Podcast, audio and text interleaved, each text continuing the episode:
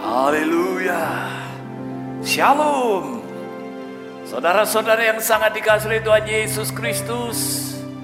Khususnya untuk Gembala Sidang GBI Rayon 13 Bapak Pendeta Ivan Yonatan seluruh hamba-hamba Tuhan dan jemaat saya mengucapkan salam Paskah. Haleluya. Kita bersyukur saudara bahwa kita sudah memperingati Jumat Agung kematian Tuhan Yesus di atas kayu salib dan kita pun juga sudah merayakan Paskah kebangkitan Tuhan Yesus. Haleluya, puji Tuhan. Saya sangat bersyukur dan berbuat bersuka cita saat ini dapat menjumpai semua hamba-hamba Tuhan dan jemaat dari Gereja Petel Indonesia Rayon 13 Bengkulu. Wow, saya percaya Tuhan memelihara saudara selama pandemi COVID-19. Saudara semua tetap dipelihara oleh Tuhan, diberi kekuatan oleh Tuhan, dan saya percaya Tuhan berkati kita. Dan khususnya di dalam memasuki tahun 2021 ini, saya percaya tahun integritas saat hidup kita menjadi serupa dengan Tuhan Yesus, makin serupa dengan Tuhan Yesus. Saya percaya saudara semuanya juga akan semakin kuat di dalam Tuhan dan juga akan semakin diberkati oleh Tuhan. Puji Tuhan, hari ini saya sangat berbahagia dan bersuka cita dapat menyampaikan pesan Tuhan bagi saudara semuanya. Dan saya percaya Tuhan pasti akan memberkati kita semuanya. Haleluya, puji Tuhan. Tema pemberitaan firman Tuhan pada hari ini adalah kemenangan terbesar dalam kebangkitan Tuhan Yesus Kristus. Kita akan membaca dari Filipi pasal yang ketiga ayat 7 hingga ayat 11. Ayat yang ketujuh saya akan membacakan hingga ayat yang ke-11. Tetapi apa yang dahulu merupakan keuntungan bagiku, sekarang kuanggap rugi karena Kristus. Malahan segala sesuatu kuanggap rugi karena pengenalan akan Kristus Yesus, Tuhanku lebih mulia daripada semuanya. Oleh karena dialah aku telah melepaskan semuanya itu dan menganggapnya sampah supaya aku memperoleh Kristus. Dan berada di dalam dia bukan dengan kebenaranku sendiri karena mentaati hukum Taurat, melainkan dengan kebenaran karena kepercayaan kepada Kristus yaitu kebenaran yang Allah anugerahkan berdasarkan kepercayaan.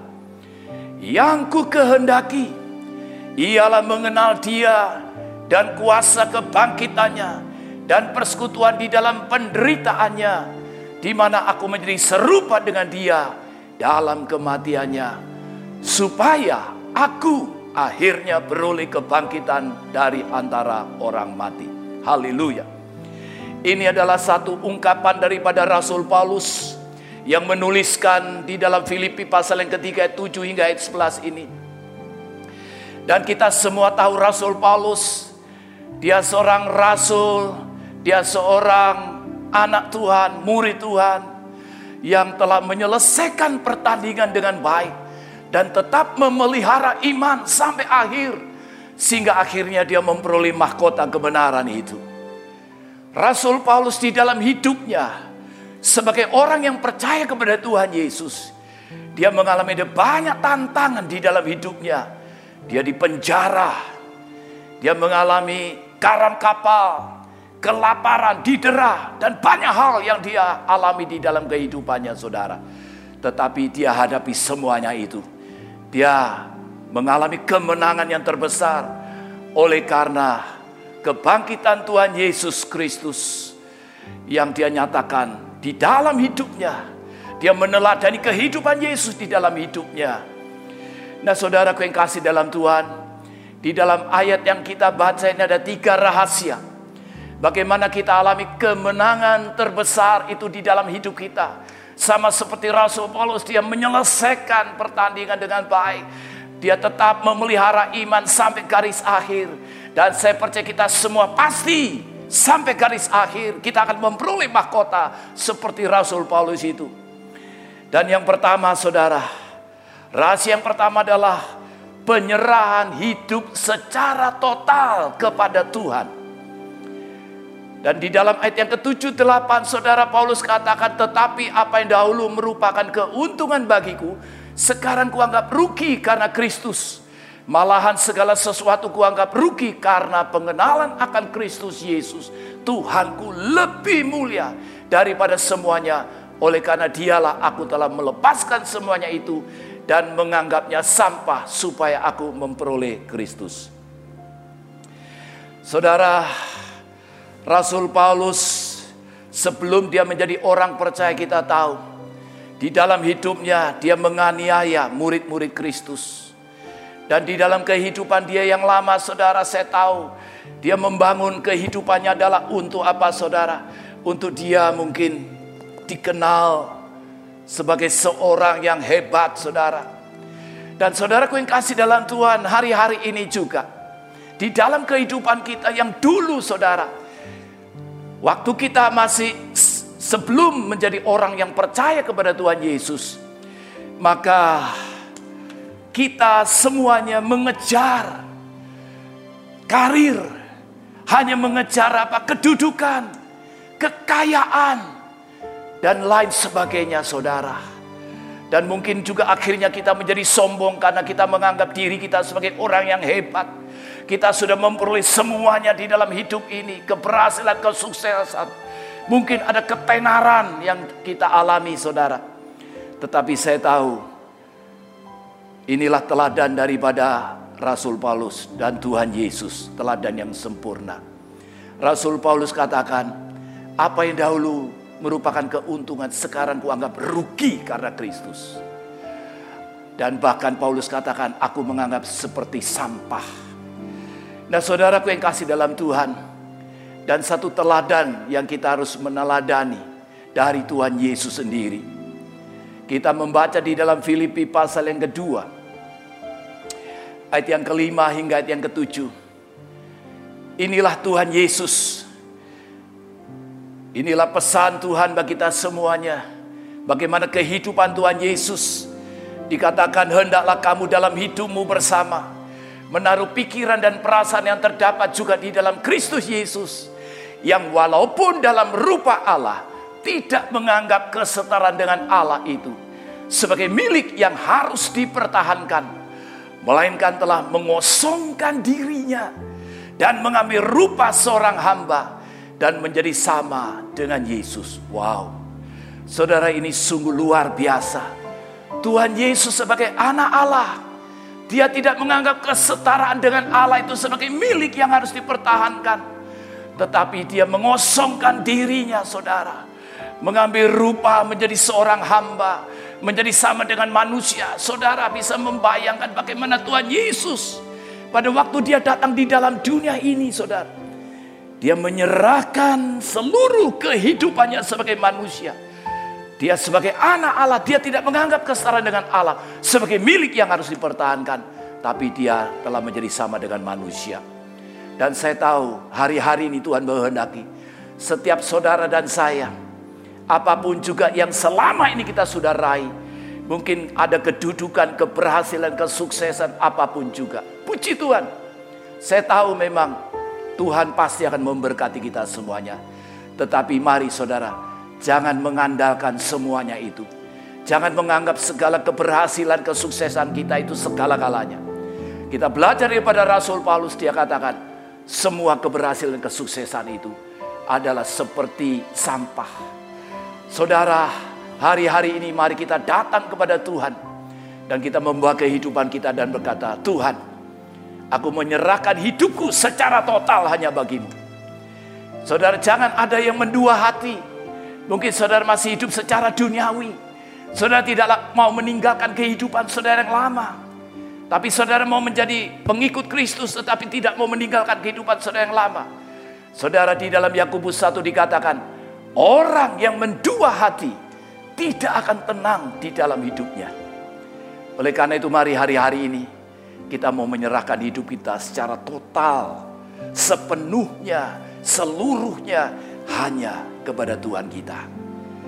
Rahasia yang kedua dari ayat yang kita baca tadi saudara, yaitu ketaatan mutlak melakukan kehendak Tuhan. Sebagaimana Paulus katakan di dalam ayat yang ke-9. Dan berada di dalam dia. Bukan dengan kebenaranku sendiri karena mentaati hukum Taurat.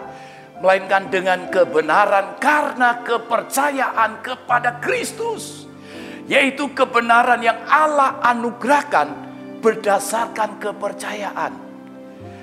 Saudara, Paulus meneladani daripada kehidupan Tuhan Yesus dan saya tahu hari-hari ini kita pun juga harus meneladani Tuhan Yesus. Dan kita juga mau belajar daripada Rasul Paulus ini saudara. Di mana Rasul Paulus dia mengalami satu kemenangan di dalam kehidupannya. Sampai akhirnya dia menyelesaikan pertandingan dengan baik. Meskipun dia harus menghadapi ada banyak tantangan-tantangan di dalam hidupnya saudara. Tetapi Rasul Paulus dia tahu rahasianya yaitu apa? Ketaatan mutlak melakukan kehendak Tuhan. Dan saya tahu hari-hari ini Tuhan menghendaki setiap saudara dan saya. Kita hidup sebagai orang yang percaya. Kita mau taat dengan segenap, dengan segala apa yang Tuhan kehendaki untuk kita lakukan. Saudara satu teladan dari Tuhan Yesus dia sebagai anak Allah menjadi sama dengan manusia. Dia pun juga dikatakan di dalam Filipi pasal yang kedua ayat 8 hingga 11. Dan dalam keadaannya sebagai manusia, ia telah merendahkan dirinya dan taat sampai mati. Bahkan sampai mati di atas kayu salib. Wow. Saudara ini sungguh ketaatan yang luar biasa dari Tuhan Yesus. Dan di dalam ayat selanjutnya dikatakan, Itulah sebabnya Allah sangat meninggikan dia dan mengaruniakan kepadanya nama di atas segala nama supaya dalam nama Yesus bertekuk lutut segala yang di langit dan yang ada di atas bumi dan yang ada di bawah bumi. Dan ayat 11 luar biasa.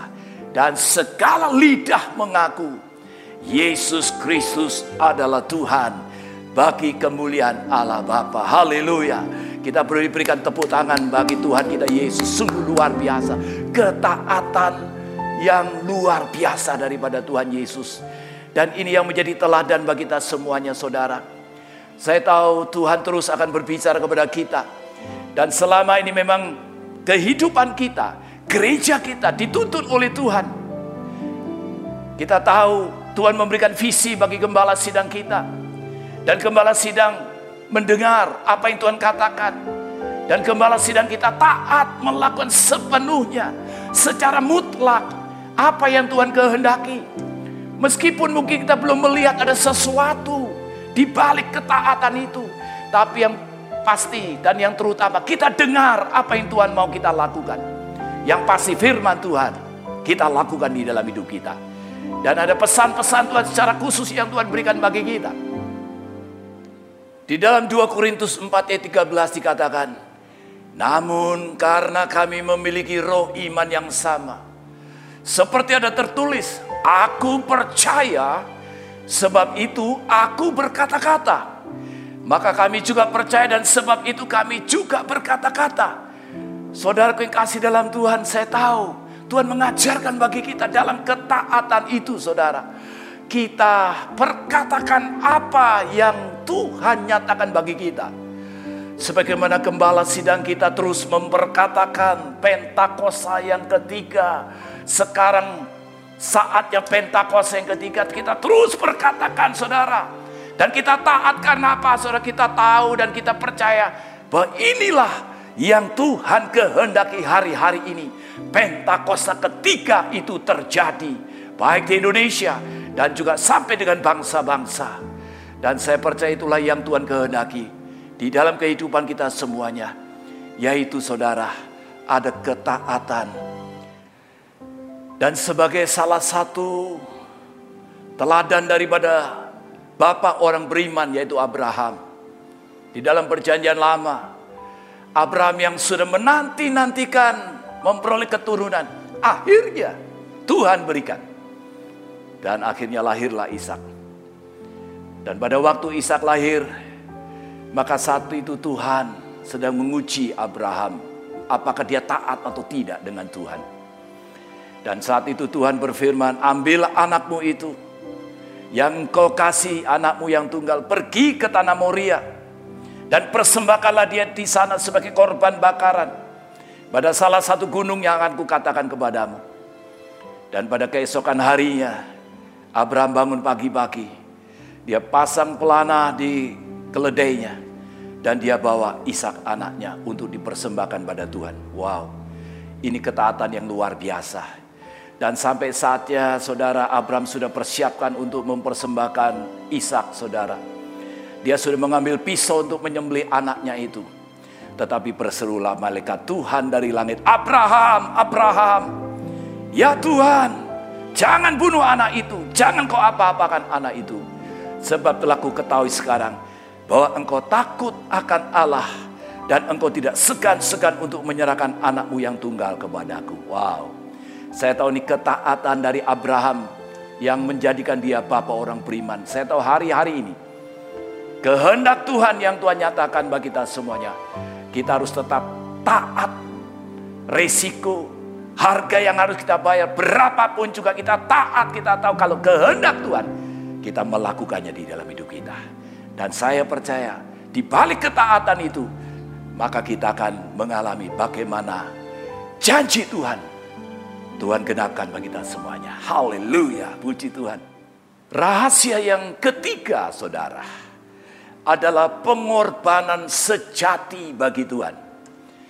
Saudara, arti kata sejati itu artinya dengan murni, dengan sungguh-sungguh, saudara dan itu yang Tuhan mau di dalam kehidupan kita sebagaimana Paulus ungkapkan dalam Filipi 3 ayat 10 dan 11. Dia katakan yang ku kehendaki ialah mengenal dia dan kuasa kebangkitannya dan persekutuan dalam penderitaannya di mana aku menjadi serupa dengan dia dalam kematiannya supaya aku akhirnya beroleh kebangkitan dari antara orang mati. Saya tahu inilah teladan daripada Rasul Paulus dia katakan yang ku kehendaki. Artinya segala apa pun tujuan hidupku. Segala apa pun juga aku mau mengenal dia. Kuasa kebangkitannya. Dan persekutuan dalam penderitaannya. Saudara saya tahu. Ini sesuatu hal yang mungkin bagi kita. Mungkin kita berkata aduh ini berat sekali. Karena apa saudara? Kalau sampai kuasa kebangkitannya kita katakan amin.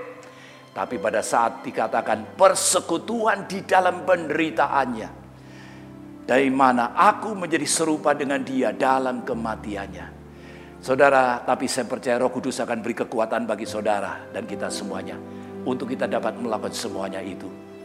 Yaitu apa saudara, pengorbanan kita sungguh-sungguh di hadapan Tuhan. Segala apa pun yang harus kita hadapi dalam hidup kita ini. Mungkin kita harus memikul salib setiap hari Ya, kita harus menyangkal diri kita, saudara. Ada pengorbanan di dalam hidup kita yang kita lakukan terus menerus di dalam kehidupan kita. Tetapi saya percaya saat kita mau mengorbankan hidup kita sepenuhnya bagi Tuhan, maka di saat itulah kita akan melihat di balik salib ada kemenangan yang terbesar, ada kemuliaan Tuhan. Dan juga Rasul Paulus katakan di dalam Roma 12 karena itu saudara-saudara demi kemurahan Allah. Aku menasihatkan kamu supaya kamu mempersembahkan tubuhmu. Sebagai persembahan yang hidup, yang kudus dan yang berkenan kepada Allah. Itu adalah ibadahmu yang sejati. Saya tahu hari-hari ini Tuhan mau saudara. Kita sudah ditebus oleh darah Yesus. Kita sudah dibayar mahal oleh dia. Dan hidup saudara dan saya adalah milik Tuhan Yesus. Oleh karena itu kita mau mempersembahkan, mengorbankan hidup kita semuanya hanya bagi Tuhan kita Yesus. Haleluya, puji Tuhan. Dan saya percaya saudara, saat kita melakukan semuanya ini, yaitu apa saudara? Kita mau menyerahkan seluruh kehidupan kita secara total kepada Tuhan.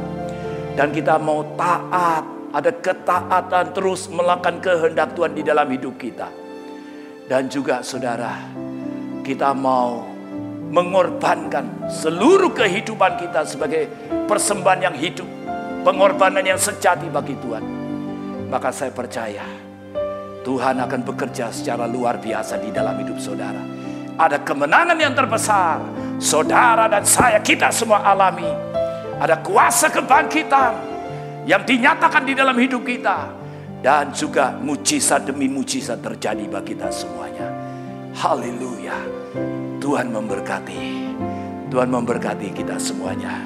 Kita akan naikkan satu pujian. Bapa, ku persembahkan tubuhku sebagai persembahan yang hidup, kudus dan yang berkenan padamu sebagai ibadah yang sejati. Bapa, ku persembahkan tubuhku sebagai persembahan yang hidup, kudus dan yang berkenan padamu sebagai ibadah yang sejati. Ku sembahkan Tuhan. Ku sembahkan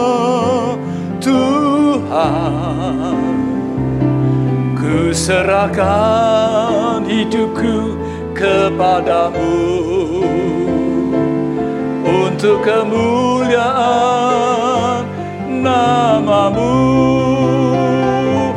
Ku sembahkan Tuhan.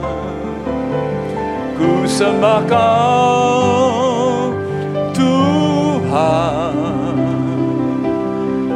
serahkan hidupku kepadamu. Untuk kemuliaan namamu. Untuk kemuliaan namamu. Untuk kemuliaan namamu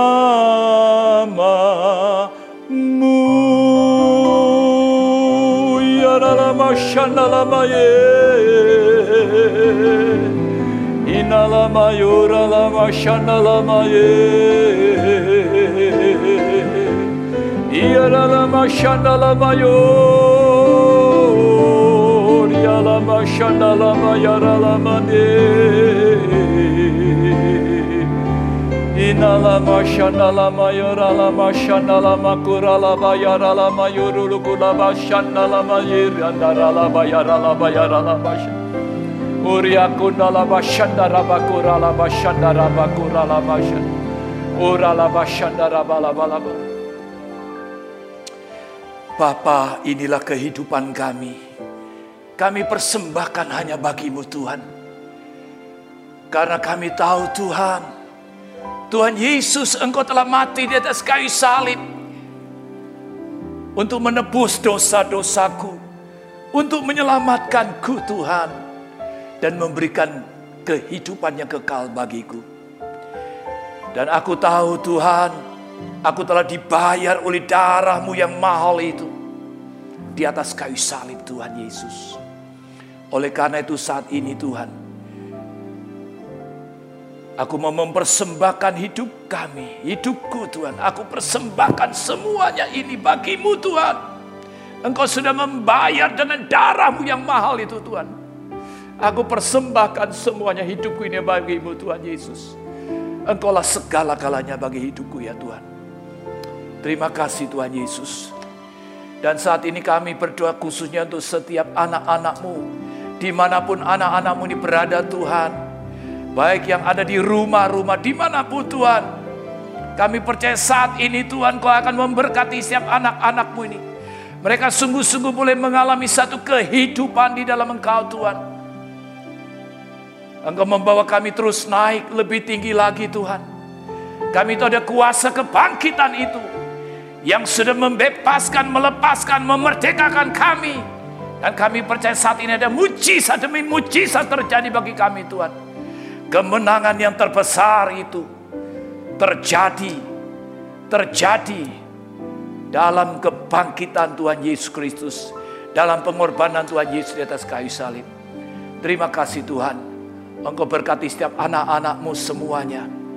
Di dalam kehidupan pribadi, keluarga, pelayanan, usaha, pekerjaan apa pun, semuanya diberkati Tuhan. Kami percaya tahun 2021 ini Tuhan, sungguh-sungguh kami akan mengalami. Kami sungguh-sungguh akan mengalami pemulihan. Kami akan mengalami kemenangan demi kemenangan Tuhan. Dan kos yang memberkati kami semuanya. Dan yang sakit sudah disembuhkan oleh Tuhan. Yang sedang menghadapi pergumulan di dalam masalah ekonomi, Tuhan pulihkan kami semuanya. Keluarga-keluarga semuanya dipulihkan oleh Tuhan. Terima kasih Tuhan. Berkati setiap anak-anakmu di semuanya. Berkati dengan berlimpah-limpah Terima kasih Tuhan Yesus. Kami serahkan anak-anakmu ini semuanya ke dalam tangan. Di dalam nama Tuhan Yesus kami berdoa dan bersyukur. Haleluya. Amin. Shalom. Tuhan memberkati saudara semuanya dengan berlimpah-limpah. Haleluya. Puji Tuhan.